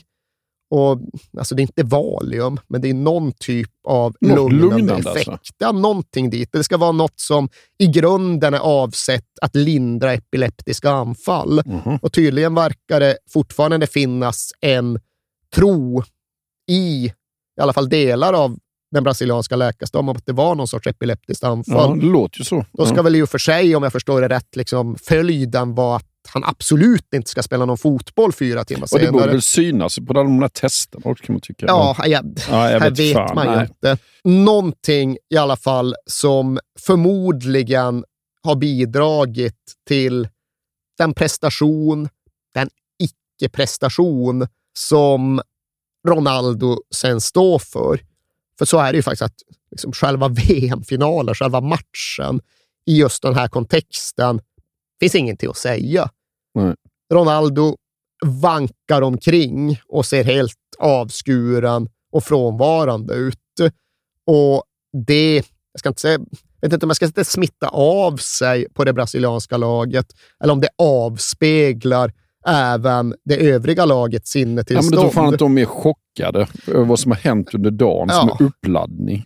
Nej, det är väl någon form av växelverkan där, att de gör varandra sämre och mindre delaktiga och mer avtrubbade. För det är ju faktiskt så att intrycket blir ju att fan, det här är ett landslag som går ut till VM-final och inte bryr sig. Nej. Och hemma i Brasilien, alltså, det är ingen som vet mer än att det har varit liksom besked och kontrabesked om Ronaldo. Men många uppfattar att ja, han har väl gjort något så här sent fitnesstest för sitt knä. Ja. Typ. Det är ingen som känner till det här med sammanbrottet, utan många får ju då bara, men vad fan, vi har alltså ett landslag med en storstjärna som går ut och spelar VM-final och verkar tycka att det är det minst viktiga som överhuvudtaget existerar. Liksom spelar ingen fotboll, struntar i att plocka upp Zidane på defensiva fasta, verkar inte störas nämnvärt av att matchen rinner ifrån dem och det sen slutar med en 3-0-förlust. Vad fan var det där? Nej. Och till sak hör ju, framförallt ifall vi ska hålla på och ranka VM-mysterier, att det är klart att det här förstärks av att det fortfarande, 25 år senare, faktiskt är olöst. Ja. Det finns ingen tydlig, allmänt erkänd förklaring till vad som faktiskt hände. Och ja, det är ju inte för att det inte har gjorts försök att få fram sanningen. Det var inte så att den brasilianska nationen i efterdyningarna till att den här historien nystades upp bara ryckte på sin kollektiva axel och sa att ja, ja, men det är ju ändå bara sport och ibland vinner man, ibland förlorar man och det viktiga är ju att den här unga killen i centrum får allt ändå må bra. Liksom. Mm. Utan, alltså det har ju bokstavligt talat varit en parlamentsutredning med konstitutionella förhör Ja. runt detta. Ja. Och den gällde väl i och för sig i grunden just relationen mellan Nike och det brasilianska fotbollsförbundet och i förlängningen då den brasilianska nationen. För personen som såg till att det blev en parlamentsutredning, han var en politiker som då menade att det här var en relation som äventyrade Brasiliens suveränitet, autonomi och nationella identitet. Anklagade i praktiken då fotbollsförbundet för att ha förrått sitt land Ja. när de ingick Han var en gammal eh, hederlig kommunist, tror jag. Ja, det var han. Ja. Vilket inte, inte är lika dramatiskt i Brasilien Nej. som det är i Sverige exempelvis. Men i den utredningen så var någonstans ändå den, liksom ändå den allra mest centrala frågan den potentiellt nyss avfyrade pistolen med krutrök kvar kring mynningen. Frågan om huruvida det egentligen var Nike som hade krävt att Ronaldo deltog i finalen. Det. Det inte alls var liksom lagläkaren eller förbundskaptenen som hade tagit det beslutet, utan det var Nike. Möjligen genom sina lakejer i CBF, alltså fotbollsförbundet. Och då var det ju främst liksom den mycket kontroversiella och korrupta förbundspresidenten Teixeira det pekades mot. Och ja, det var en jävla utredning som pågick i all evighet och det finns ju... Ronaldo var kallad på förhör där. Alla var ju inkallade Ja. för kongressförhör. Ja. Alltså, det var Zagallo, det var Ronaldo, nej, men alla berörda. Och det kom sen en rapport på tror jag, 1129 sidor. och vi är inget klokare. Nej. Det finns inget tydligt, entydigt. Det är inte så här att ja, men det finns en teori som alla köper in sig på. Nej. Alltså alla vettiga människor vet att det var liksom styvfar som dödade kvinnan. Utan här är det fortfarande helt spridda skurar. Ja. Det hade ju varit väldigt intressant att veta om Nike hade någonting med det att göra, för då hade det ju varit en helt otrolig skandal. ju. Ja, och där tror jag väl ändå att det finns någon form av konsensus bland någorlunda rationellt nyktra människor. Att det fanns ingen Nike-gubbe som satt på läktaren och viftade med den ursprungliga laguppställningen och sa app, app, app, Ronaldo. Ja, men Zagallo säger, vadå Zagallo? Ronaldo. Så tycks det inte ha gått till. Det hade varit dålig PR. Ja, det, det hade krupit fram. Ja. Sen kan man ju prata om liksom, ja, men vad är uttalat och vad outtalat? Vad är implicit press Ja. och vad är explicit press? Men det är ändå något annat att styra laguttagningen till en VM-final och potentiellt då liksom bara köra över giltiga hälsoskäl än att arrangera en eh, poänglös träningsmatch mot Bosnien i Manaus. Ja. Det är olika nivåer. Och nej, jag tror att så har det nog inte gått till. Nej. Sen finns det tusen andra problem med samarbetet mellan Nike och CBF. Liksom det avtalet sköts ju i strimlor i den här parlamentariska utredningen. Och Ja. Det är liksom ingen diskussion om att det var extremt mycket korruption och pengatvätt och ekonomisk brottslighet som följde i kölvattnet på det. Sen var det mer problem på liksom den brasilianska förbundssidan än på Nike-sidan. Ja. Men ja, teorierna finns kvar och det är egentligen bara att blunda och peka och välja. Det finns ju vissa medicinskt kunniga som menar att men, det som hänt måste faktiskt ha varit att liksom Ronaldo lyckades vila i helt fel kroppsställning. Och detta har lett till att han fick någon typ av respiratoriska problem, alltså problem med andningen och liksom blodcirkulationen och, och att ja, det då inte var, ska inte använda termen naturlig död, men ändå någon typ av naturligt uppstånden attack. Inte vet jag. Låter rätt långsökt. Ja, det kan man ju tycka. Sen är ja, det där med liksom epileptiskt anfall. Det är väl de flestas liksom första intryck och första Ja. association bland de som var på plats. Men han har liksom ingen dokumenterad historik med epilepsi, vare sig förr eller senare. Nej. Och liksom de där testerna borde, om jag förstår saken rätt, ha kunnat klargöra ett sånt ursprung. Sen, ja, men var det i själva verket ja, men, psykiskt uppstod? Var det någon typ av panikångestattack som fick ett annat uttryck? Kanske det. Finns någon som menar att ja, men det var egentligen någon typ av allergisk reaktion på all den här medicineringen. Ja. Ja, det kanske är möjligt. Sen finns det ju också de som hävdar att nej, men, nej, nej, alltså det som har hänt här, det är ju att xylokain, i den mån det tas intravenöst, alltså tas med spruta, det kan faktiskt få ganska exakt den här effekten ifall det liksom hamnar fel. Ifall du får in det i ja, blodomloppet, eller vad fan det nu blir frågan om. Ja. Och att jo, men det är nog ett tro, för det skulle liksom förklara hur testerna såg ut som de gjorde och sådär. Vi vet inte. Nej. Och saken är ju den att Ronaldo själv vet ju inte heller. Nej, han drar ju till och med olika förklaringar. Ja, exakt. Olika versioner av Ja. händelseförloppet och olika förklaringar. Men han lutar väl kanske åt ett eller annat håll, men det verkar variera lite beroende på dagsform.